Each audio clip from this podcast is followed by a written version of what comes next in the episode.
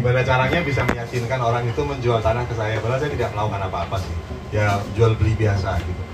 Tapi memang ternyata orangnya juga sulit uh, sehingga berbagai uh, apa namanya uh, hampir laku itu nggak jadi-jadi karena selalu terjadi terjadi bentrokan dengan dengan pemiliknya.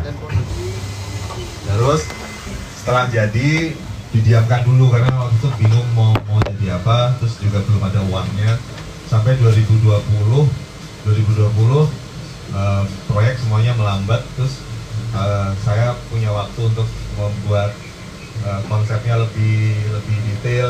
Terus saking isengnya mengurus perizinan semua dari nol.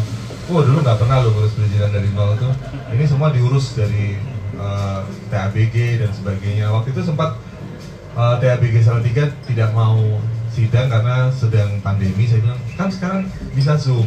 Jadi itu adalah sidang zoom pertama TABG Salatiga. Nah terus uh, waktu sidang pertama ditanya oh ini bangunannya sudah jadi kok? Nggak pernah kelihatan ya? Loh pak ini belum jadi. Terus oh biasanya kalau di Salatiga bangunannya harus jadi dulu baru sidang. Oh, itu kebiasaannya begitu gitu. Nah. terus buat apa? Nah, tapi itu enggak ini belum jadi Pak, biar ini karena kan saya mau apa appeal termasuk ketinggian bangunan. Karena kan menurut saya kan salah ya kalau kalau BPN itu bisa memotong tanah 3 meter itu kan memang tidak bisa dibuat apa-apa. Sehingga saya appealnya boleh nggak saya diberikan ketinggian? Harusnya cuma boleh dua lantai kalau luasan sekian. Terus akhirnya uh, setelah uh, apa namanya kasak kusuk sana sini ya udah tapi tidak boleh lebih tinggi dari tetangga sebelahnya. Untung tetangga sebelah saya itu tinggi jadi dia ya itu saya ukur 15 meter 15 meter dari tanah bukan bukan ini salon ini. Salon ini 15 meter ini. Jadi, tapi karena dia besar kan? Ya ini salon sudah ada sejak saya kecil.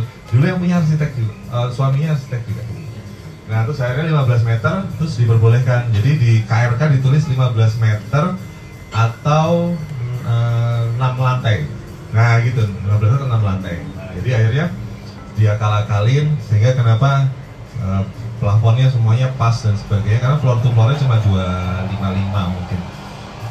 Terus ya supaya tangganya uh, tetap nyaman. Nah terus last minute tangganya diubah karena ada input dari salah satu teman yang kebetulan menjadi salah satu investor juga bilang kayaknya harus dikasih lift gitu. Nah dikasih lift sehingga terus tangganya digeser-geser makanya ada rem sedikit itu supaya cukup ada 80 cm untuk uh, lift. Tapi setelah lulus TABG sudah dapat IMB uh, eh, begitu masuk konstruksi itu gambar yang pasti itu hanya gambar struktur. Itu pun waktu masuk naik lantai dua masih berubah sehingga kalau dari depan dilihat itu kenapa ada beloknya begitu. Karena sebenarnya waktu tadinya saya nyerah saya sudah cuma 2,8 terus lurus begitu cuma lama-lama kok kalau dihitung-hitung nanti bednya nggak bisa ada meja di depan dan sebagainya. 40 cm kan lumayan ya. Terus saya nanya ke BPN dan sebagainya ini sebenarnya batas tanah saya itu sampai mana sih? Terus tetangga juga menyarankan pak batas batasnya bapak tuh segaris ini. Jadi sebenarnya di garis pondasi luar itu adalah batas tanah saya. Sehingga wah bocor. ME mana ME nah terus habis gitu boleh. Jadi udah terus tak enggak kayak gini toh keluar gitu itu itu itu mengklaim sebenarnya 3 meter itu di situ. Nah strukturnya juga mengizinkan masih masih kuat dan sebagainya. Akhirnya makanya malah jadi menarik karena di depan kayak belok gitu. Strukturnya dikerjakan dengan sangat cepat dan dan rapi ya. Cuma tiga bulan selesai struktur. Nah setelah bulan keempat dan seterusnya itu adalah perjuangan yang sesungguhnya. Karena sama sekali apa namanya gambar itu belum belum belum selesai ya. Termasuk jendela ini tuh ditemukan pada saat setelah jadi. Oh bayangin dulu. Dulu waktu seluruh jadi itu tangga ini belum jadi. Yang sudah jadi itu hanya lubangnya lift. Jadi saya tuh naik lubang lift itu udah tiap hari gitu naik pakai tangga-tangga gitu terus sampai ke sini. Loh pemandangannya bagus ya? Harus dibuka jendela di sini. Tapi kalau yang di sini memang dari dulu memang tidak pengen ada jendela karena tuh melihat genteng agak-agak nggak enak. Itu terus habis gitu uh, itu tadi uh, yang paling sulit adalah MEP karena harus dibagi uh, saya nggak mau ada AC di luar dan sebagainya sehingga semua di prioritaskan semua di atas. Karena begitu terus AC-nya jadi sistemnya macam-macam ada yang AC konvensional ada yang VRV karena kalau udah lewat dari 15 meter udah nggak bisa konvensional. Jadi harus pakai VRV terus AC-nya mau dilarikan di sini shaftnya tapi shaft di sini sudah penuh ada pipa dan sebagainya sehingga akhirnya kalau teman-teman lihat ada pipa-pipa di situ itu sebenarnya udah udah nyerah lah itu AC tadinya mau ditutupin mau gimana tapi lama-lama kok ya bagus-bagus aja gitu ya.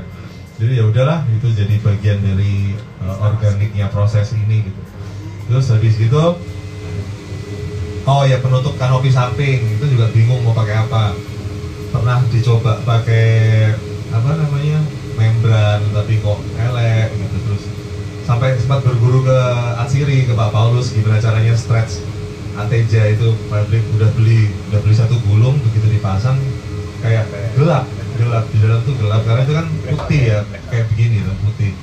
Terus mau dipasang kaca kok kok kaca banget gitu ya. Terus akhirnya ya udah pakai itu pakai apa namanya pakai polikarbonat yang tipis. Dengan harapan nanti kalau kotor bisa diganti-ganti dengan material berikutnya gitu.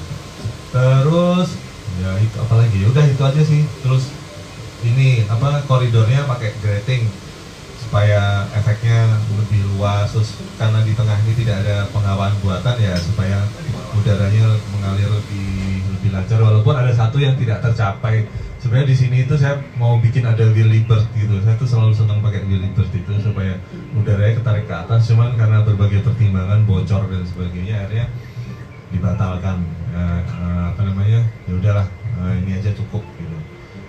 Ah, apa ya cerita apa nih ya? Ya itu sih. Hah?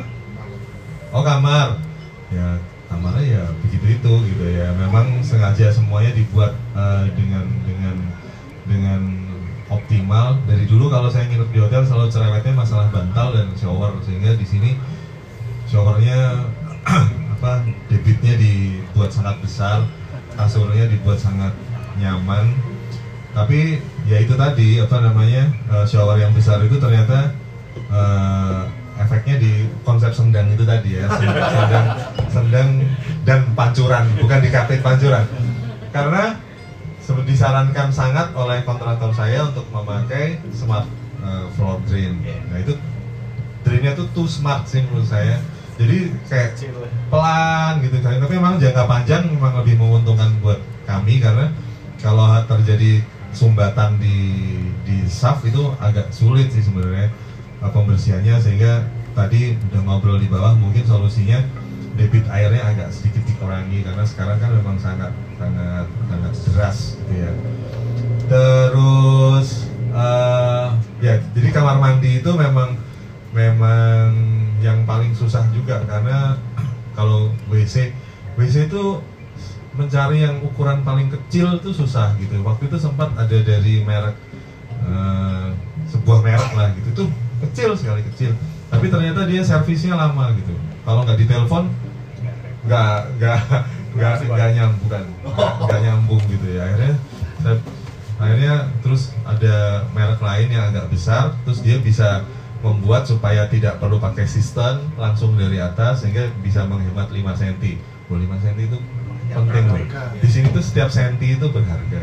ada nilai. Ada di Jadi akhirnya terus WC-nya bisa Terus habis gitu ada ada ini eh, apa dari Hans Grohe waktu itu. Saya ada ini sisa sisa wastafel. Eh, ini Philips Stark loh pak gitu. Dan dijual murah gitu.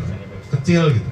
Oh ya udah tapi saya tes dulu. Oh emang Philips Stark sih jadi kalau keren sih sebenarnya kalau masuk kamar sudah Philips Stark gitu. Tapi itu ya lubang lubang itu cuma 20 cm gitu. Jadi kalau kalau Yudi sikat gigi gitu sih bisa akan muncrat ke mana muncrat ke mana-mana udah. Nggak nggak jadi Philips Stark nggak peduli akhirnya beli di toko sebuah toko material di Semarang terus menemukan itu. Terus langsung ada delapan nggak? Pas ada delapan ya udah. Jadi makanya kamar mandinya tuh eh, campur-campur gitu karena karena semuanya sesuai kebutuhan gitu. termasuk Amstrad kenapa pakai yang itu ininya? Karena yang lainnya tuh harus pakai sistem terus kenapa showernya tiba-tiba pakai Hans Grohe kayaknya keren gitu ya. Nah, padahal itu juga sebenarnya itu banyak barang sisa yang daripada ini di- dijual murah ke saya. Terus wastafel itu juga itu uh, langsung beli di apa beli di toko. Terus uh, ah lubang lubang di shower itu juga impulsif. Jadi waktu saya nyoba udah jadi satu kamar mandi. Oh nggak enak ya kamar mandinya? Apa nggak ada sensasinya. Tadinya mau dikasih kaca besar gitu cuman kan takut kalau tetangga sebelah nanti membangun. Akhirnya ya udah secukupnya dikasih lubang terus sama desainer grafisnya ditambah-tambahin apa itu buton netes dan sebagainya. Nah ngomong-ngomong masalah masalah branding ini sebenarnya dari awal sebelum bangunan jadi saya sudah komunikasi sama Science Work Science Work tuh Denis Denis Surabaya teman baik saya. Terus awal pertama dia nanya jenenge opo mas? Dulu gitu. Belum ada namanya waktu itu masih kayak kegalauan yang akut lah menentukan nama. Tapi itu saya saya pikir ada satu joke yang orang salah tiga itu sangat membencinya itu ya bahwa kalau ditanya mas tinggal di mana? Salah tiga oh dapat tujuh dong. Itu guaringnya pol perlu pelembab. Johnson and Johnson gitu loh bapak ID gitu kan. Akhirnya ya udahlah terus diabadikan di sini. Terus kebetulan uh, apa namanya?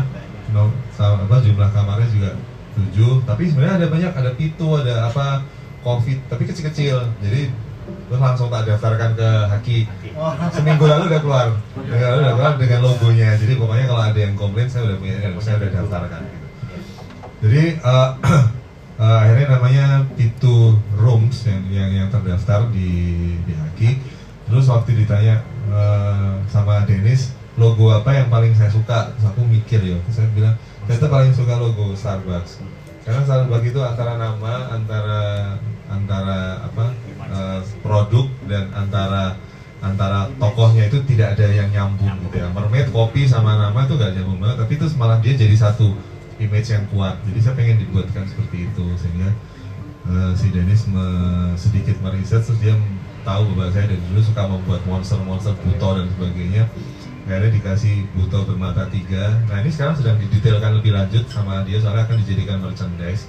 Dan si buto ini matanya tiga ya sebenarnya salah tiga. Kayak gitu gitulah cocokologinya mulai berjalan. Um, dibuatkan merchandise terus sekarang sedang dicoba dibuatkan kayak komik.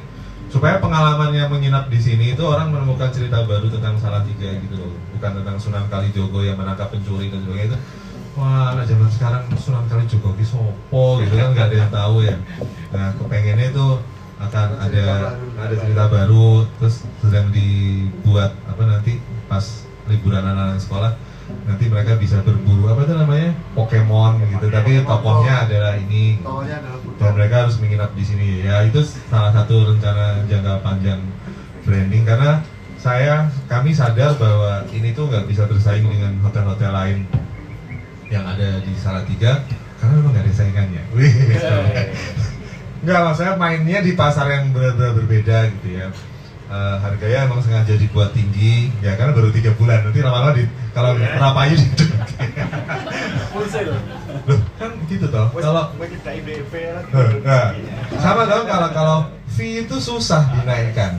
Kalau diturunkan gampang kan? Nah kita harus tinggi dulu. Loh kalau naik itu susah nah itu makanya terus kenapa uh, kami dari awal sudah sadar brandingnya harus kuat terus harus mencari orang yang yang memang ingin mencari pengalaman bukan hanya menginap. Sehingga kalau bisa semuanya dikurasi dari apa dari sebenarnya tadinya mau sampai bau bau itu dikurasi.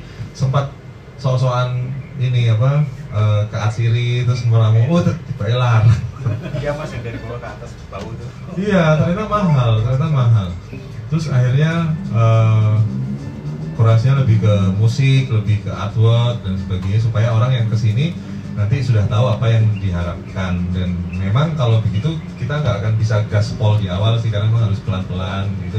Tapi uh, kami sudah buat kalender sampai Juni 2023 itu ada paket-paket. Jadi memang akan menjualnya paket paket trip, paket wisata atau paket coaching vokal karena di sini ada bonita teman saya. Nanti anak-anak liburan sekolah mereka menginap sini sama ibunya. Kalau pagi dia vokal coaching di, di situ. Ya pokoknya digoreng-gorengin lah supaya orang caranya gimana bisa menginap di sini. Tapi sepertinya sudah mulai sedikit dari mulut ke mulut sudah didengar. Dan pasarnya memang terus terang dari Jakarta, Bandung dan Surabaya. Kemarin ada request eh, satu keluarga mau liburan awal tahun ke sini terus oh ya udah di di Eh, tapi dijemputnya di Cinere di Jakarta. Nah jadi itu sem- semakin menarik gitu jadi nanti kami ada high ace terus di, dijemput di sana di sini empat hari tiga malam terus diantar lagi ke sana. Nah memang memang jadi tidak akan bisa apa namanya eh, sama dengan yang lain karena akhirnya memutuskan untuk tidak terlalu jualan kamar tapi lebih ke jualan eh, pengalaman. Termasuk makanannya. Jadi makanannya sebenarnya saya tuh dari dulu sebenarnya nggak pengen bikin kafe. Dulu kan semua arsitek kan membuat kafe gitu ya. Terus aku sudah sudah sudah eh, memantapkan jiwa untuk tidak pernah membuat kafe. Karena saya tahu membuat kafe itu mahal. Jualan jualan kopi tapi kafenya konstruksinya 5 m gitu kan. Apa DP nya ternyata saya menjeburkan diri ke hal yang lebih Lebih mengerikan. lebih mengerikan gitu. Tapi itu makanannya juga akhirnya pokoknya yang dijual di sini yang saya suka. Jadi artinya kopi kopinya kopinya itu semua sudah sudah sudah di dikurasi yang yang selalu saya pesan kalau di di janji jiwa di kopi tanam itu diusahakan direplika di sini. Karena prinsipnya saya tidak bisa menjual hal-hal yang tidak saya suka. Termasuk makanan. Saya itu bukan penggemar makanan yang fancy fancy gitu. Saya tuh paling dari dulu sukanya nasi campur. Nasi nasi begana nasi campur gitu. Nah akhirnya yang yang dijual adalah hal-hal seperti itu. Nah termasuk yang nanti eh sudah di GoFood. GoFood sudah berjalan. GoFood sudah berjalan. Itu yang dijual adalah nasi campurnya. Ya syukur-syukur bisa mengalahkan nasi campur Bu Andika gitu ya.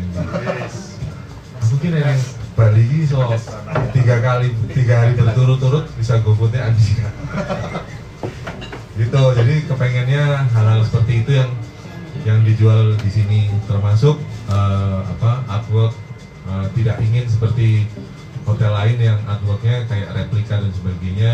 Di sini diusahakan semuanya original artwork termasuk yang di kamar walaupun ada risiko tapi saya saya tuh punya saya tuh punya apa eh, klien panutan gitu ya. Si dulu saya punya proyek Saumata itu.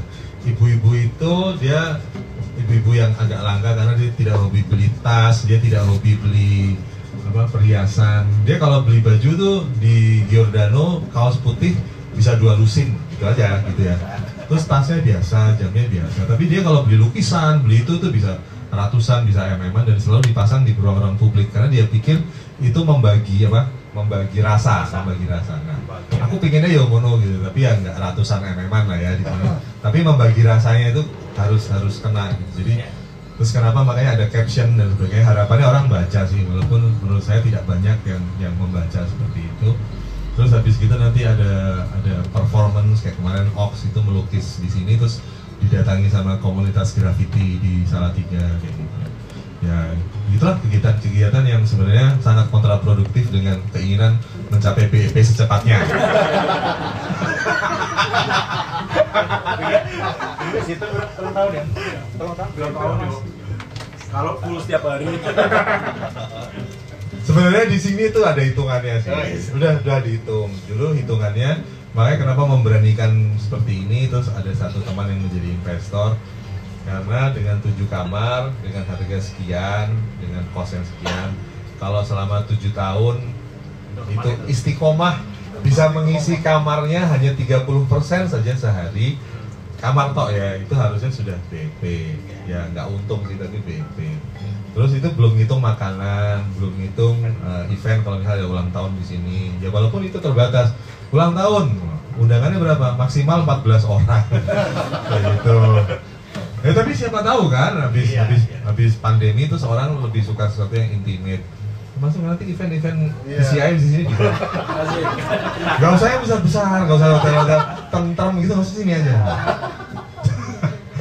gitu. Apalagi ya, ya udah itu. Ya maksudnya ini keterbatasan yang akhirnya dijadikan jualan sih kayak termasuk apa eh, lift gitu. Jadi makanya kalau kemarin teman-teman mengalami itu tem- dari hospital hospitality assistant tuh pasti SOP-nya banyak menjelaskan dari depan ini harus begini, ini harus begitu. Ya itu disclaimer sih supaya kalau ada yang kedaduk dan sebagainya, akan dikasih tahu gitu ya. Memang karena kondisinya seperti ini. Ya itu sebenarnya hotel yang depan tuh sedang dijual gitu dijual kemarin pikir sama teman-teman apa dibeli aja ya nanti buat yang apa nginep di sini sopirnya nginep di situ yeah tetap Gedean sopir ya nanti kabarnya. gitu silahkan bertanya aja aku nggak ngerti main cerita opo Jadi memang kalau mau mantep itu harus tujuh kali nginep di sini. Soalnya tiap kamarnya beda, beda gitu kan. Jadi kalau mau merasakan semuanya, kalau kayak di hotel chain yang besar internasional gitu kan kamarnya seragam semua. Kalau di sini enggak. Jadi kalau misalnya mudah-mudahan kita dibikinin acara kayak gini lagi sama Jodoh. terima kasih Joto Jotun is the best. Jadi nanti tinggal di suite suite aja gitu mau banget. Tapi emang bagus kok. Kena air langsung. Banget. Baik, ada bisa lagi dibersihkan bisa dibersihkan bisa dibersihkan. Iya. Tapi kita Dia masih malah. Oh gitu. Saya mau nanya. Nah, Boleh, boleh, ngobrol. Ceritanya penasaran mas. Biasanya kan kalau struktur bangunan itu kan tadi makanya 30 persen ya. Kalau bangunan ini kira-kira makan berapa persen? Ya memang agak lebih sih waktu itu hitungannya. Eh, menyentuh 40 sebenarnya 40 persen. Karena pondasi pondasinya itu dengan apa ya dulu penjelasannya jadi puntirnya tuh sangat sangat momen puntirnya itu sangat sangat sangat kuat sehingga akhirnya eh, diputuskan membuat. Awalnya pakai tiang panjang tapi kalau tiang panjang di sini kan harus konsen- konvensional nah konvensional tuh tetangga tetangga kan pasti nanti akan komplain gitu ya ya jadi akhirnya dibuat eh, diganti menjadi sumuran sumuran tuh nggak tahu dulu dalamnya 5 atau 6 meter ada 1, 2, 3, 4, 5, 6, 6 sumuran sama juga finishing finishing tuh sebenarnya kepengennya dulu pakai pakai teraso semua gitu. Bukan pakai Jotun. Hmm? Lantai. Oh, Untung gak salah ngomong.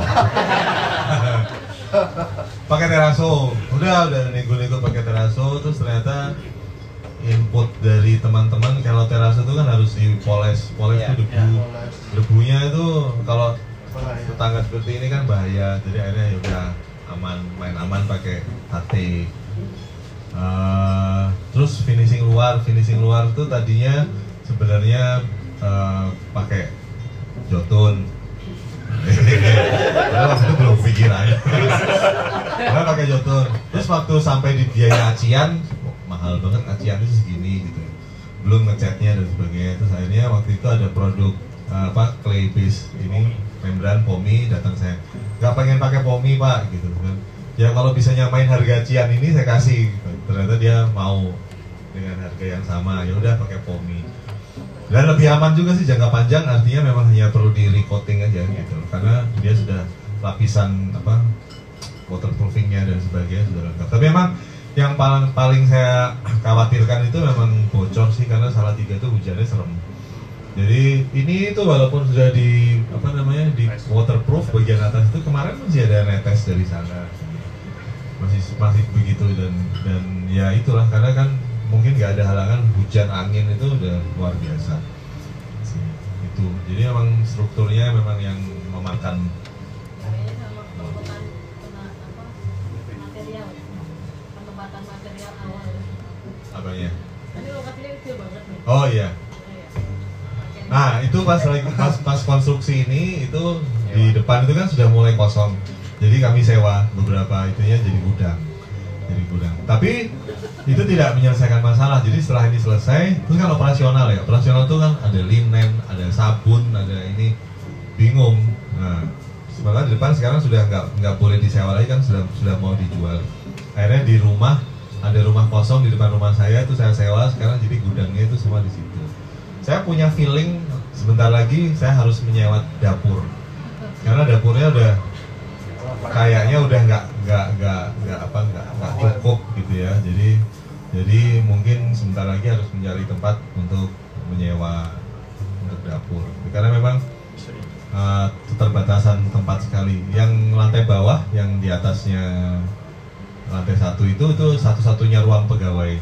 Ruang pegawai merangkap gudang merangkap apa sentral CCTV dan apa smoke smoke apa alarm dan sebagainya itu ada di situ Nggak konsep basement. Apa? Waktu itu nggak boleh. Dan memang biayanya ya karena air tanahnya itu sangat tinggi dan bagus. Jadi waktu itu di bor 2 meter 3 meter tuh airnya udah keluar. Gitu. jadi memang kalau nanti harus ada apa pengeringan sebagainya udah udah udah mahal sekali. Ya di wateringnya udah akan akan mahal sekali. Jadi ya memang tidak memilih itu. sih. Ada lagi yang lain monggo? Mas. Aku nanya nih mas Adi. Mas jadi gini, ini kan ini kan konsep awalnya kan kayak hotel, tujuh kamar. Berarti kan kalau dari sisi ini ngomongin dari sisi bisnis aja. Statusnya biasanya kayak gini kan kayak bank, itu kan sem- semacam buat appraiser kan. Bahwa ini sebenarnya kalau di dalam kondisi apa sudah operasional maka harga harga bangunan pasti akan bernilai Nah kalau di di, pos, di posisi mas Mas Ari sudah pernah dicoba mas? Sudah pernah di, ditanyakan mas? Appraisal setelah bangunan dengan ukuran 3 meter ini apakah masih dihitung layak sebagai dihitung hotel atau dia Iya, sebagai iya. rumah tinggal tujuh lantai biasa? Iya. Tiga lantai gitu. Nah ini juga masalah waktu perizinan sih, karena waktu perizinan itu kan terus terang memang belum mantap mau jadi hotel. Jadi sempat kepikiran apa bikin klinik dokter, apa mau bikin Indomaret tertinggi di Indonesia, apa gitu. Kepengennya itu awalnya yang bisa langsung disewakan, terus bisa langsung terima uang di depan gitu ya, terus nggak mikir, terus bangunannya bangunannya yang simple aja. Tapi ya nggak mungkin kan kita bikin bangunan yang ya gitu kan nggak mungkin akhirnya itulah jadi hotel tapi tapi dari saran teman-teman memang kalau izinnya dari awal sudah hotel tuh terlalu banyak yang kunci gitu loh. Artinya perizinan itu akan sulit karena eh, udah harus ada amdal dan sebagainya. Kemudian dari sisi apa damkar juga biasanya tidak akan diizinkan karena memang escape route-nya hanya satu. Makanya waktu itu ada disarankan karena dan juga belum tahu pakai apa itu di pakai apa? Makanya izinnya adalah rumah tinggal dan usaha dan usaha waktu itu yang sebenarnya yang sangat dicecar oleh tim penguji adalah tempat parkir. Tempat parkirnya itu nanti gimana dan sebagainya. Sampai tak bela-bela nih dulu kalau toh itu toh aku numpak sepeda yuk. Aku bilang saya nggak punya mobil. Saya di sini tuh mana-mana naik sepeda gitu kan. Tapi setelah dapat mobil naik mobil. Nah, jadi ini izinnya adalah rumah tinggal dan usaha. Tapi begitu dioperasikan menjadi hotel, kemarin sempat konsultasi. Jadi ketua PHRI-nya Salatiga itu kenal dekat juga. Terus kemarin beliau ke sini, terus saya nanya kalau saya dijadikan hotel, itu izinnya bagaimana? Apakah ada izin khusus dan sebagainya? Nggak perlu mas. Nanti ini aja. Nanti ada beberapa, ada beberapa inilah, ada beberapa eh, list yang memang harus di- dipenuhi tapi yang penting sudah dijadikan dulu anggota PHRI dulu gitu. Nah sebenarnya menggoda juga itu belum belum baru udah jadi udah oh ini setak sekolah kayak gitu kan karena sertifikat dan sebagainya masih di tangan gitu. Tapi memang belum dicek apakah ini nanti akan dihitung sebagai rumah tinggal ataukah sebagai tempat usaha. Itu menarik gitu nanti mau buka cabang, ini nanti uangnya dipakai. Tidak kan kan, ngomongin masalah BEP, tapi Iya. kan BEP kan dari dari produk bangunan ini kalau masuk kategori hotel, artinya kalau kalau di appraisal ketemu kan berarti angka yang di appraise sama yang dibangun kan ketemu Iya. selisihnya Mas Ari loh. Iya. Berarti apa fasilitas apa yang bisa di di apa istilahnya kalau istilah kita jual aja tuh tuh itu misalnya gitu ya. Kalau ini jadi hotel kan gitu. Iya. Nah apakah apa di dalam platformnya Mas Ari itu ini ini sebenarnya dari awal memang tadi udah dijawab sih bahwa ini rumah tinggal. Tapi kalau dia masuk hotel pasti harusnya banyak orang dari bank udah mulai menawarkan ini bisa bisa dengan lunak sekali kan gitu. Iya. Artinya pekerjaan Mas Ari untuk budget segala macam sudah Iya, itu awal. juga ya itu kan aku kan aku kan bukan orang sing otaknya kiri banget ngono ya. Jadi begitu jadi teman-teman yang bank juga bilang sebenarnya kalau hotel itu memang capital gain artinya kalau memang sudah jadi hotel sebenarnya harganya in paper kan sudah ini apa artinya waktu itu salah satu keputusan membuat hotel itu karena nanti setelah dioperasikan mungkin 2-3 tahun dan kemudian apa namanya eh, bisnis eh, projectionnya bagus memang seperti teman-teman yang berbisnis hotel lain akhirnya dijual gitu kan dijual dan kita make profit dari situ. Ya itu kalau kalau saya nggak anu ya nggak apa nggak kelayu dengan benda ini. Ini kayak udah jadi udah kayak jadi mainan yang tiap hari harus dilihat gitu. Tapi memang secara secara bisnis memang rencananya memang ada terbersit begitu gitu. Nah makanya sekarang ini sebenarnya dengan teman-teman sedang mendevelop itu villa di Bali tapi yang itu strictly memang nanti dua tahun akan dijual. Kalau karena kalau di sana kan bisnis projectionnya sangat sangat bagus ya gitu. Jadi sudah memungkinkan untuk dibuat. Sebenarnya poin saya simpel mas. Kalau itu bisa, ya kenapa nggak dibeli aja depan gitu? Pakai uang itu maksudnya gitu, ditukar. terlalu mahal Terlalu mahal. Nah, mahal itu 3000 meter dan per meter perseginya masih sama 10 di sini per meter persegi udah 10 juta Oh, ya. iya. dan yang menarik tapi sekaligus juga menjadi drawback adalah bagian depan itu ada bangunan cagar budaya yang elek nah itu kalau buat arsitek aja kalau cagar budaya jelek itu udah udah handicap ya apalagi buat orang awam gitu ya jadi beberapa kali memang jual beli itu selalu gagal karena orang akhirnya berpikir itu nggak bisa diapa-apain gitu cagar budaya yang elek gitu Tapi kan bisa kupas depan. apa Bisa cuma hanya pakai depan kupas belakang. bisa harus tapi kan orang kan nggak ngerti arsitek ngerti tapi duitnya orang orang semua kayak Ya, oke. itu Memang motor persegi ya. tiga ribu tiga ribu Iya. Mas Isra, ini malam namanya apa? Duiting. apa? Jual batik di sini bisa nggak? oh iya. Nggak pak kebayang dua tiga lima tahun ke depan ini maintenance gimana pak? iya sih. Jangan dibayangin lah. Jangan mereka mereka yang bayangkan ada ya. tawakal aja. Kemarin aku ditakoni kan sama yang rombongan Semarang mas ini yang kalau ngebersihin di bawahnya ini gimana? Nih kan ada ya udah tawakal aja. Kayak yang nyempil nyempil lampu yang Iya. kan kan di usiaku gitu ya Slep ya. Aku tuh pokoknya to put my money where my mouth is gitu ya. Kenapa bangunannya warna merah gitu? Karena selama ini tuh saya tuh tidak pernah berhasil memaksa klien saya untuk membuat bangunan yang full berwarna merah. Hampir berhasil di Alam Sutra yang yang Paddington itu. Tapi terus akhirnya merahnya dikurangi cuma di pinggir. Itu tadi harusnya semuanya merah. Memang aku berhasil pak. dalamnya. Nah, makanya kalau sudah udah udah eh, miliknya sendiri udah dimerahin gitu. Termasuk hal-hal yang sulit yang selama ini meyakinkan kalian kok wangel men gitu ya. Ya memang akhirnya maintenance-nya akan menjadi problem. Tapi ya itu tadi, ya wis rasakno dhewe gitu ya. Dipikir, dipikir besok. Masih ada hari esok. itu bagian dari tawakal Masih ada tujuh tahun, masih ada tujuh tahun di depan ya. bagian dari tawakal itu dipikir sesuk itu bagian dari tawakal monggo ada yang lain Terima kasih atas pertanyaannya. Sebenarnya yang harus tanyain ini mas sekarang ini gue yang lain gue nggak tahu juga. Ini timnya dalam satu hotel ini tujuh lantai itu berapa? Tujuh kamar. itu berapa tim yang dipekerjakan? Oh iya, ini harus ceritakan ini merekrut tim itu. Oh, enggak, biar biar tahu ini bahwa ini Jadi, terus pokoknya semuanya tuh berjalan sangat sangat organik. Tiba-tiba bangunan sudah mau jadi. Terus mikir, oh iya, kayaknya sing akan running ini semua siapa? Tadinya kan cita-citanya ditanya sama adik-adik saya, kamu ngapain bikin hotel?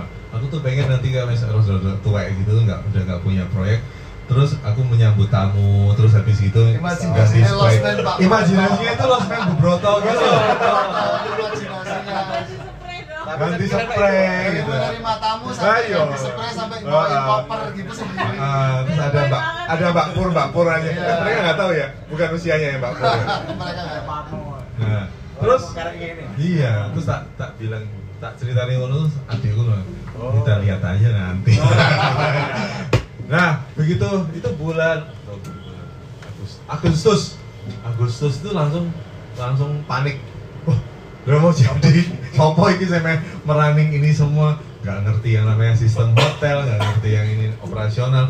Ya udahlah buka lowongan dulu aja buka lowongan buka lowongan terus habis persyaratannya gemar olahraga. Ya buka lowongan. Nah itu susah ternyata hospitality apa pro, industri di Salatiga itu susah karena karena memang tidak banyak pelakunya yang proper ya. Jadi sampai harus karena ada teman yang psikolog eh bisa nggak psikotes tapi harga teman? Gitu. Jadi ada 20 orang di psikotes itu harus dilihatin mana yang kira-kira loyal yang potensial. Karena soalnya eh, tidak tidak banyak orang yang dari lahir udah service oriented gitu loh Iya. dan dan itu yang dicari kan seperti itu gitu. terus akhirnya ya udah dapet ini 8 orang 8 orang tuh udah dari saringan Dari 20 tadi. oh oh, sam- belum belum mulai aja udah ada yang mengundurkan diri dan sebagainya karena Agustus September itu belum kelihatan akan tanda-tanda jadi padahal sudah sudah ketemu mereka ragu.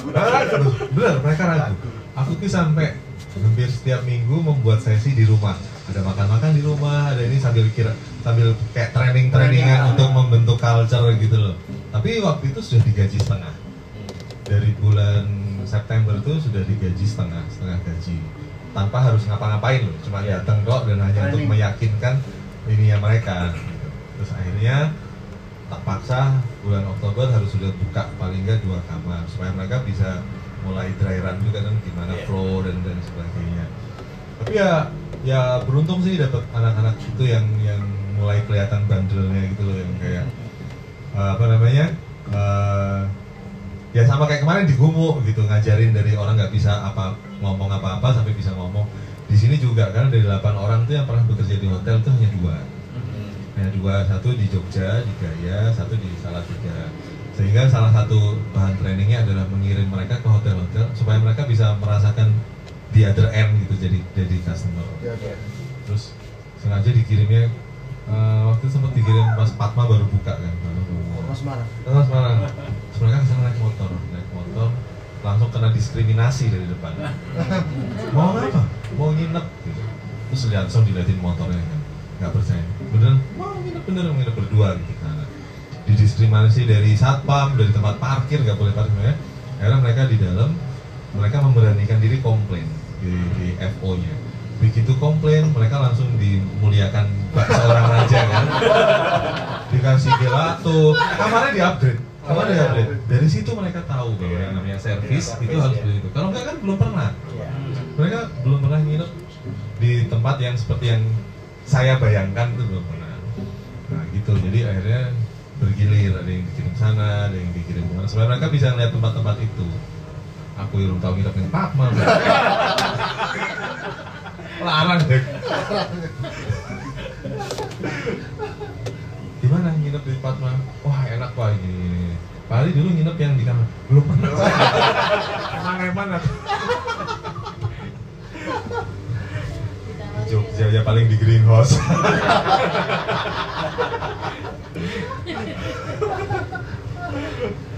Tonton cuma sekali di Jogja. Nah, jadi itu itu ya sampai sekarang. eh awalnya kayak pengen tahu semuanya kan, sampai jadi ya karena tempat sekecil ini terus berantem dan sebagainya.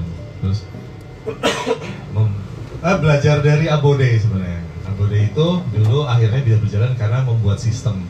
Sistem itu termasuk tidak hanya kerja tapi juga bagaimana hubungan hubungan orang gitu ya. Itu sebenarnya udah sudah sudah diatur. Gitu. Nah di sini juga akhirnya dari depan sudah dibuat. Jadi di sini eh, nanti akhir bulan ini akan ada handbook. Jadi nanti di situ akan ada hand, oh handbooknya na- nanti termasuk eh, ini apa kamar tuh difoto semua. Ini catnya apa apa. Jadi kalau sudah sudah mau ganti itu mereka nggak terus tiba-tiba beli profan. Gitu. Masih. Terima kasih buat Kodenya, kodenya itu ada. Masuk, masuk, masuk, masuk. Nah, terus habis gitu eh, apa SOP kayak ngatur kasur dan sebagainya Iya. walaupun sih masih masih berubah-ubah terus ya kepengennya orang masuk ke kamar tuh nggak kayak masuk hotel tuh. Bisa langsung melempar diri ke kasur seperti Yudi kemarin terus langsung pillow top gitu.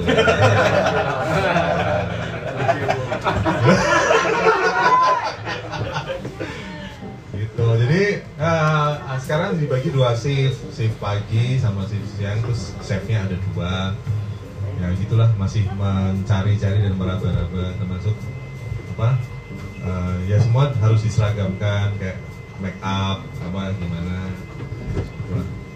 Dah itu aja. Ada yang lain? Silahkan. Terakhir Pak, ya. So far puas secara bisnis atau puas secara konstruksi? puas secara konstruksi.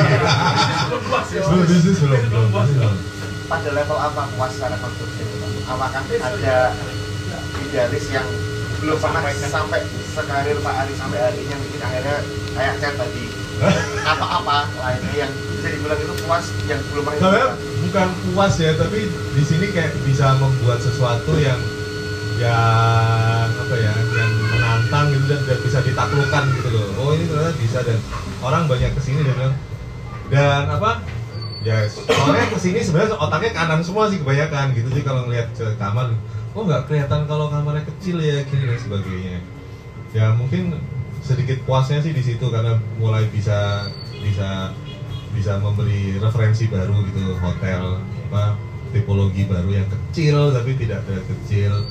Terus oh di sini susah kalau mau sholat soalnya apa kamarnya nggak Loh itu kan sudah sesuai dengan arah sholat sih. Belum ada sajadahnya oh tapi udah nanti pesannya dari jualan masuk. Gue puasnya begitu. Kalau dari bisnis nggak tahu ya belum sih kayak ini masih struggling kayak tadi nanya besok eh, ini kan nanti ka- anda semua check out gitu. Hari ini ada berapa yang check in? Ini hari baru satu pak. Loh ini tanggal segini udah pick sama baru satu gitu tuh sebenarnya agak anxiety. anxiety attack gitu ya anxiety attack. Cuma seperti disarankan beliau sebaiknya jangan bergaul sering-sering dengan bapak itu ya supaya nggak harus selalu sold out gitu. It's okay not to be sold out. Gitu jadi terus ya tiap hari sih masih harus karena kayaknya kalau bisnis seperti harus ditempel terus di setahun ke depan gitu.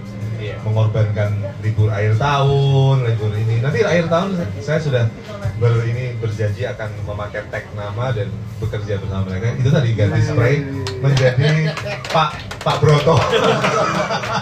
Nanti senengnya kudu Pak Broto. ya paling coba bertahan tiga hari tiga hari Ya masalah perang bisnis yang paling paling berat nanti itu kalau saya memang toh pun mau ngejarnya itu semua okupasi penuh setiap hari kan lebih ke lahan parkir.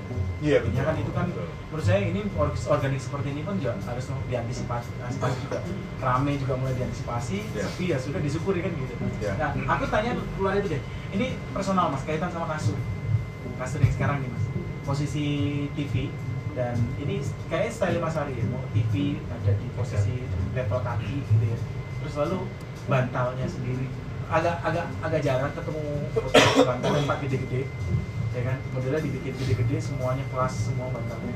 Itu personal experience atau memang SOP dari hotel eh, SOP dari, dari sebelum proyek-proyek Mas Ari sebenarnya pasti harus bantal? Enggak sih. Jadi saya tuh sangat terkesan dulu saya pernah nginep di tapi aku lali itu harus nih. simpel soalnya mas. Di mana Iya. merasa ini menarik ya. Kan tadi saya saya bilang hanya dua hal yang ini ditekankan tuh bantal sama shower. Ya. tapi saya punya pengalaman sangat menarik nginep aku lari hotel di mana kalau nggak di Hong Kong apa di di mana gitu. Itu tuh waktu orang check in tuh dikasih Iya. pillow menu. Oh. pillow menu loh. Jadi itu ada ada ada empat pilihan dan kan kita nggak semua tahu ya gunanya apa terus nanti ditanyain bapak ini light sleeper atau atau atau gimana? Ngorok atau enggak? Dan sebagainya. Terus nanti dipilihin itu bantalnya dan itu luar biasa sih. Itu sampai sampai terkesan sekali nanti kalau misalnya suatu saat bisa punya hotel tuh bantalnya itu harus bagus banget. Tapi ya nggak harus sampai disuruh milih yo. Nah, disuruh milih berarti kan harus punya tujuh kali empat semuanya simpen sendiri. gudang nih. Tidak kayak tonggo nih. Tiba-tiba nanti mereka di sini semua tidurnya enak kafe nah itu bantal memang menjadi perhatian utama. Jadi saya bisa nanya sih ke anak-anak eh, kadang-kadang kalau ada rombongan-rombongan khusus kalau kalian sih kemarin tadi kan ah, udahlah ini nggak usah dilihatin tapi sebelum anda semua kemarin itu ada satu rombongan ibu-ibu besti yang mereka memang terkenal sering jalan-jalan. Itu kalau yang yang datang seperti itu saya selalu apa apa uh, usahakan pagi itu semua kamar saya cek satu-satu.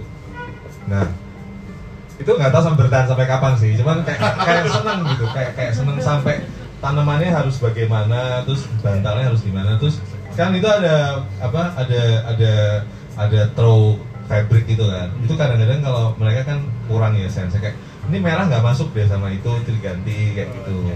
Itu masih karena mungkin masih seneng-senengnya ya masih lucu-lucunya ya jadi sampai dicek gitu. Kayak nanti tanggal 23 itu ada tamu spesial gitu ya makanya saya selalu bilang sama teman-teman itu di sini tamunya itu di sini semua kritikus. Jadi hati-hati gitu karena nanti pasti akan akan menjadi. Jadi saya masih masih make point untuk melihat satu-satu kayak aku nggak suka daun yang kecil-kecil ini harus yang besar. Karena pertama yang besar lebih murah dan lebih tahan lama kayak gitu kan.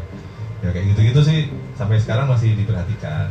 Ya, tapi kan kasurnya itu, oh dikasih empat nanti kalau teman-teman kayak kemarin pilotok ya, ya ini kasur ini nggak ada tempat duduk kan nggak ada ruang bareng-bareng ya kasur ya fungsinya jadi kayak kursi bersama gitu kamu pernah pikir empat gitu emang fungsinya lebih ke sambil nonton TV silo berempat gitu jadi itu fungsinya juga selain kasur tidur juga bisa Sebenarnya TV-nya tadinya harusnya lebih besar.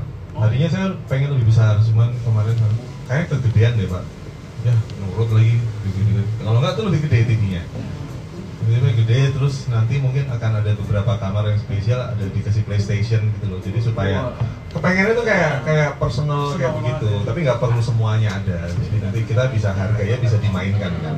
ada rental PS in house in house rental PS ya kayak air dryer tuh loh kayak air dryer Iya. modalnya cetak plus plus PS Gitu. ada kalau mau Xbox boleh lengkap dengan kinetiknya Padahal saya itu kan padahal nggak bisa juga di kasur Aku kan bukan orang yang sangat suka musik, bukan orang yang suka main game.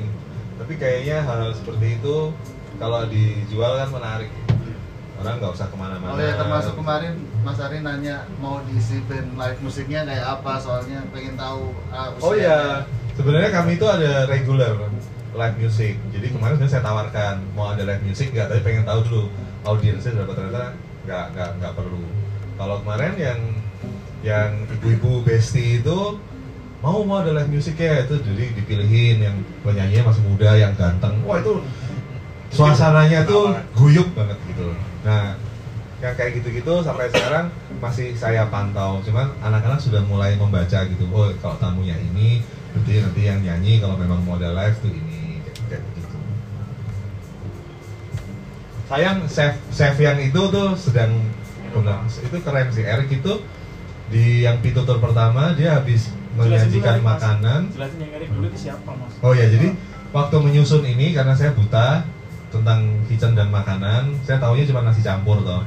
Jadi saya ada teman yang menjadi eh, konsultan, jadi food consultant termasuk menentukan menu dan sebagainya dari berbagai macam percobaan gitu ya, termasuk nge-set kitchen dan sebagainya. Nah sampai sekarang dia masih terlibat di ini. Jadi kalau ada eh, apa event-event khusus kayak kemarin dia biasanya muncul terus dia bisa greeting tamu terus menyajikan makanan terus tiba-tiba dia ngeluarkan dari tasnya saksofon terus dia main saksofon di sini. Nah itu tuh kayak kepengennya emang dari dulu gitu tapi dia sekarang sedang off satu tahun mengejar cita-citanya untuk bekerja di restoran Michelin Star di Amsterdam gitu. Tapi itu emang pengennya gitu makanya sekarang lagi nyari lagi gitu ada orang yang bisa gitu nggak? Karena spontanitas tuh jadi sesuatu yang berharga dan mungkin bisa membedakan tempat ini dibanding tempat-tempat lain. Tuh ya. Bayangin apa aku di sini Pak? bisa dijawab pendek dan bisa dijawab panjang banget. Nggak mikir apa-apa. Ya sempit aja tempatnya kan harus tinggi gitu ya ya sebenarnya harus lihat sih perubahannya dari sini sini sini itu ada ada beberapa Kalau merah tadi kan jauh kan? Merah. Karena kan abu putih sama monokrom gitu. Loh, saya tuh penggemar merah Oh gitu Pak. Saya tuh Dulu selalu- monokrom semua Pak. ya itu kan selera pasar yang itu buat Selera selera pasar selera. ya personal ya Jadi selera personal kan baju banyak warna merah itu merah. Jadi emang dari dulu memang memang merah. Merah. gitu. Merah darahku. 2024 banget sih. Bayangin apa ya? Sebenarnya desain saya tuh semuanya fungsi loh, kak. Fungsi semuanya fungsi terus baru dalamnya di tekuk-tekuk gini dan tapi semuanya kayak mungkin nggak ada yang tahu kenapa kaca ini miring. Karena saya selalu, selalu punya problem di apartemen di Jakarta kalau malam hari kalau kita ngeliat keluar yang kelihatan adalah pantulan wajah kita sendiri nah itu tidak pernah ada yang mau eh, klien itu kacanya itu harus miring supaya kita tidak melihat pantulan tapi melihat luar. Nah di sini saya miringkan gitu. Supaya kalau kita melihat keluar malam hari yang kita lihat bukan pantulan wajah kita sendiri. Kayak gitu-gitu. Ya itu tadi pengen ngasih tahu orang harusnya begini harusnya begini. Walaupun karena keterbatasan ya jadinya begini. Jatim Park kan digituin semua masih dipiringin semua membuat semua museum satwanya kan di kaca ini. Iya kan? semua. Supaya itu jadi langsung benar. direct kan Bener. Memang memang semalam saya lihat juga bagus sih masih kelihatan tembus di di di lantai di bawah ya di bawah Terus UNP itu apa ya Pak? UNP. oh itu itu proses berikutnya. Jadi jadi saya punya mandor di sini, mandornya kontraktor sebenarnya, tapi dia orangnya yang sangat-sangat dia mungkin S2-nya komunikasi. itu tuh yang me- menyelesaikan semua masalah dengan tetangga. Jadi jadi jadi ini walaupun di tengah kota, tapi tetangga-tetangga belakang itu itu adalah gang buntu. Karena dulu sempat ada friksi dengan rumah besar di itu loh. Oh, iya. itu ditutup jalan karena memang itu jalan milik milik dia. Sehingga mereka tuh seolah-olah ada kayak apa namanya kayak apa grunge gitu kayak marah dengan orang-orang yang yang rumahnya di depan. Jadi waktu awal membangun ini itu ya dari kemarin saya cerita tuh banyak didatangin satpol pp dan sebagainya. Karena selalu ada yang berusaha kayak mempermasalahkan ini. Tapi kan semua udah udah untungnya aku tak urus IMB dari depan kan itu nah si mandor ini pelan-pelan dia menjalankan fungsi yang keren sih. Jadi dia tuh bisa ngopi bisa ini keliling ke orang-orang itu. Itu saya akan menjadi duta besar berkuasa penuh. Republik Piturum dan sekitarnya. Itu nah saya tuh goal berikutnya yang belum. Kalau sekarang semua masalah sudah lancar. Kemarin eh, saya sudah dua kali hadir di pertemuan RT dan mungkin saya satu-satunya yang rumahnya di depan dan hadir di pertemuan RT Itu tadi RT kayaknya. aku tuh harus membagi dua RT loh, RT rumah sama RT sini. Dan rapatnya tuh selalu sama awal bulan. Jadi lihat dulu kepentingannya kan. Nah, ini ngono wis seluruh kabeh isunya. Nah itu RT sudah sudah selesai.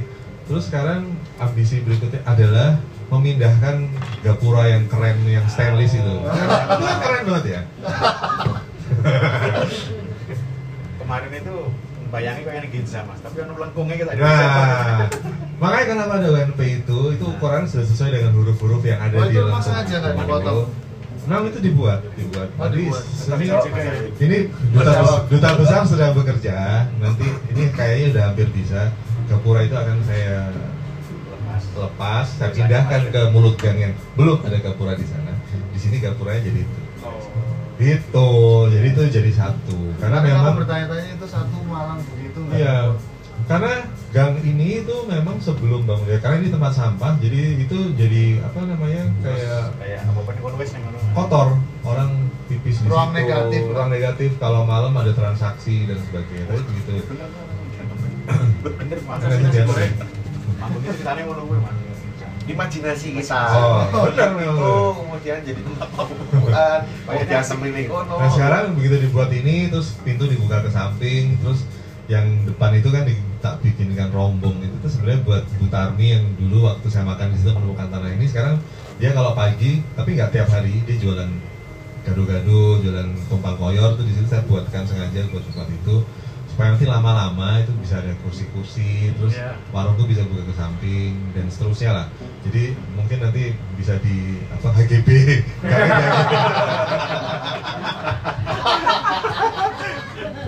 gang itu lebih lebar loh daripada ini Itu lebih lebar Oh. dari bangunan ini. Lebih Saya kemarin ngomong sama Mbak. gimana coba Iya sih. Ya kan, Kasih lebih gede dari ini. belakang jadi nggak bisa lewat dong. Hah? Ini kan jalan cepat sih. tambah nesunya Nang ngono nih restoran. Aku dapur mulai sekarang. Tapi menurut saya memang samping menarik mas itu untuk Menarik. untuk Menarik, ini iya. lucu ya cuman ini pada wah sayang fotonya orang gini. Ya, Kapuro. Kapur lengkungnya. Ya, itu lagi di bisa di photoshop. Kemarin udah minggu lalu kan sebenarnya mereka kok orang mau bacaan nih pak? Gitu. Mau serup-serupan kalau di sini Iya, iya, serupan tapi kan susah ya udah tamu udah datang sebagai karena kemarin dikirimin aja di berapa 25 kepala keluarga lah kayak kayak bingkisan dengan makanan. Terus mereka mereka mulai ngetek di Instagram lagi turun terima kasih terima kasih. Itu tugas duta besar. Eh ada di bawah tuh duta besar kalau mau kenalan. Bentar lagi mau diangkat menjadi duta besar Suriname karena orang orang Jawa. Bisa Jawa soalnya sama. keren loh dia. Kamu lagi di mana? Kadang-kadang kan aku perlu kamu nih di kamu? Bentar pak saya lagi meeting. Sama warga. Wow, Warga. Kecangkutan padahal. Terus meetingnya di depan warung mas bro terus aku kok ditagih pak saya tadi habis ini. Ngomong kayak apa mas? Jadi tempat apa sampah jadi sampah. Gitu Ya apa ya? iya. Oh iya, pengolahan sampah di sini. ada ada yang mengambil rutin sehari dua kali terus weekend. bareng ngambil. tambah parkir parkir juga kerjasama dengan RT jadi di sini tuh ada jadi dibagi yang kawasan sana itu pemkot yang dari apa eh, rumah apa gacoan ke sini itu adalah wilayahnya RT jadi nanti kami bekerja sama mengelolanya sehingga kalau tamunya sini nanti itu akan dikasih kartu gitu. Jadi tinggal kumpulin tinggal mereka klaim bulanan. Terus masalah parkir bener sih Yud. karena parkir itu prediksinya nanti Natal tahun baru penuh. Jadi sebenarnya kami udah nyewa tempat parkir di sebelah sana apa dekatnya janji jiwa itu ada tiga lot tiga lot parkir nanti kalau misalnya dibutuhkan justru makanya tugasku menjadi vali sekaligus vali Dijamin aman. Sekalian rental skuter mas. Iya belum kepikir. Tapi sebenarnya di depan tuh sudah disediakan buat saluran listrik. Listriknya. Karena kepikiran mau kalau nanti ada mobil listrik, aku tinggal bikin. Oh itu furniture, street furniture depan tuh semua tak tak udah izin sih. Jadi tadinya kan penuh itu ada papan nama, ada ada pilar-pilar sing welek itu kan. Nah itu tuh udah udah tak pikirkan semua supaya bisa punya. Nggak bisa lewat harus betul. itu gunanya kata yang pemangkunya adalah kalau orang naik Naik yang kursi roda masih bisa lewat ini. tapi motor tidak bisa lewat pas apa yang sudah naik kursi roda kan ya selam laku laku nih kene jadi musola. Jadi musola. iyalah ngapain jalan-jalan? Mendekatkan, mendekatkan diri. aku sampai takon loh sama orang PU Pak ini bentuknya dulu apa yang ada di pikiran ada gitu enggak emang gini gini Sampai, Dah? sampai akhir tahun akupansi aman. apa Sampai akhir tahun. sampai tanggal 27 28 aman. Tapi kemarin anak-anak cerita akhir tahun udah mulai banyak apa uh, inquiries. Karena memang baru di Airbnb sama tanggal 22 itu besok ya. Itu Traveloka Traveloka baru masuk ya? on. Hah? Traveloka belum masuk. Besok tanggal 22. Tiket? Traveloka baru besok. Sama berikutnya tiket.com. Soalnya booking booking.com sama itu tuh potongannya 35% ya. Iya. Oh iya. Iya. Kamar Traveloka nggak ada tiket nggak ada. kamar cuma 7 dipotong 35%. Kapan beda? Konsinyasinya kegedean. Iya. Tuh. Jadi silahkan kalau mau pengen buka cabang di kota masing-masing, tapi harus kecil juga. Sebenarnya kemarin sebenarnya sudah ada yang, eh ayo buka di ini. Ah, saya lah. Kasih saya waktu setahun. Napas dulu. Napas dulu. Di taman, Pak. Hmm? Di taman. Iya memang aku tuh, aku tuh sebenarnya ke situ arahnya. Kan nanti itu. Ya. Gimana tapi itu? Orang tahu nih kan. Boleh. Berarti terlalu split kan bisa. Sebelahnya kosong di sini. Ada yang mau nanya lagi? Nah, Oh, enggak Mas Tommy. kaitan ini ya kebutuhan airnya sistem airnya GWT atau sumur daya Iya. Ini kan kemarin waktu galian itu kan airnya bagus banget ya mas ya, sumur, jadi airnya dibuat dari sumur, di bawah ada GWT, tapi tetap ada pump. Karena kan kalau pump semua nggak boleh kalau ini hotel lah. Ya maksudnya ada restriksi kan. Jadi ya kita sekarang ada dua itu sumbernya on off on off. Itu sama kayak di rumah saya sih. Di rumah saya juga ada sumur, ada pump desa itu on off sesuai dengan kebutuhan. Tapi memang penting karena kalau diperhatikan saya nggak ada pakai galon. Kasihan yang angkat galon ke atas. ya.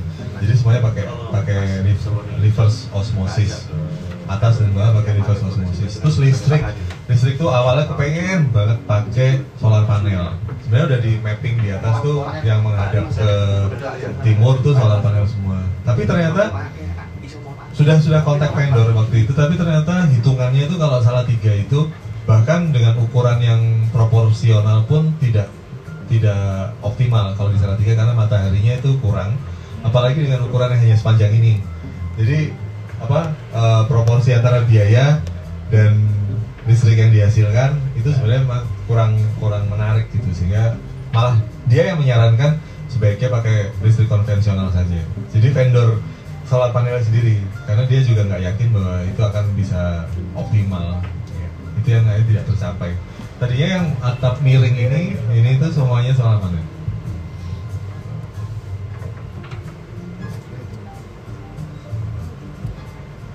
Ada lagi? Ya sudah kalau gitu ditunggu kedatangannya yang keenam kali selanjutnya biar keren. ngerasain ini dong. Kamarnya beda-beda gitu kan semuanya. Tapi ini memang eh, apa tempat yang apa menawarkan pengalaman ya, bukan spanya, menawarkan kolam renangnya atau apa. Kalau di sini memang menawarkan pengalaman dan memang pengalamannya berbeda dengan hotel-hotel yang lain.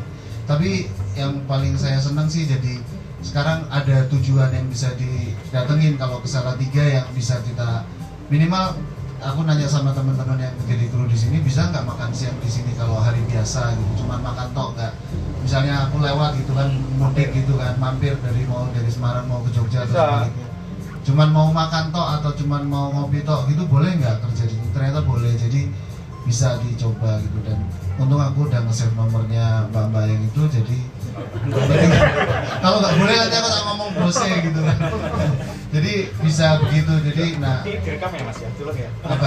Udah direkam kok pakai kayak gue, Mas. ya diingetin aja. Lah gitu. jadi eh, terima kasih sekali teman-teman sudah meluangkan waktunya di hari kerja yang biasanya berharga sekali di antara meeting-meeting dan deadline-deadline yang akhir tahun saya tahu banyak juga yang teman-teman kemarin nggak bisa tuh karena banyak yang meeting di akhir tahun tapi terima kasih sekali sudah berkenan hadir. Kita akan ini sambil nunggu makan siang kan jam 12 ya jadi teman-teman boleh persiapan mungkin beres-beres dulu jadi nanti pas jam 12 makan siang langsung bisa check out nanti jam setengah satu mobil HY sudah siap untuk mengantarkan teman-teman kembali ke Jogja. Itu nah sebetulnya jadi waktunya ada waktu lowong sekitar satu setengah jam. Monggo silakan kalau mau. Tadi mau beli roti nggak? Jadi karena ketemu Mas Ari mau naik jadi Oh, monggo Pak Guru loh. Eh, Pak Guru. Pak Gurunya orang balik. Padahal wis ning pager sing pager metu ngono. Eh Pak Guru teko. Pak Guru teko balik ke kelas gitu. Persis kayak gitu. Guru PMP, guru PMP. Guru PMP. Apa PSBB? Eh, rasanya gitu ya. Ya ngono. Oh Pak Guru wis teko ya. Apakah aku sebegitu Pak Dekati? Kira-kira kalau tampilannya begini mata pelajarannya apa gitu. Bukan biasanya kalau dia datang kalau dosen datang duluan kan dibubarin kelasnya kita Iya. takutnya kita nggak boleh masuk lagi. Jadi monggo silakan waktunya kalau mau nggak kalau saya sih cenderung pengennya nggak mau rugi tak leye-leye lagi setengah jam itu lumayan power nap Kalau nggak mau rugi memang ya. power nap gitu jadi monggo waktunya bebas silakan kalau mau ngobrol-ngobrol lagi informal monggo Mas Ari mungkin masih di sini tapi masih tapi nanti mungkin nggak usah pakai saya gitu sebagai pengantarnya jadi silakan langsung saja monggo ngobrol baik terima kasih Terima kasih. Makasih Mas Ari. Makasih semua. yuk bareng-bareng satu dua tiga Terima kasih.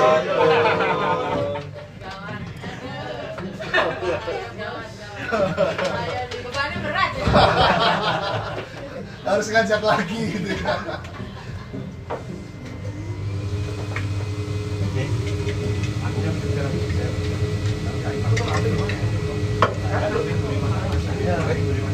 Oh iya kan. Oh, iya, kan. Mas,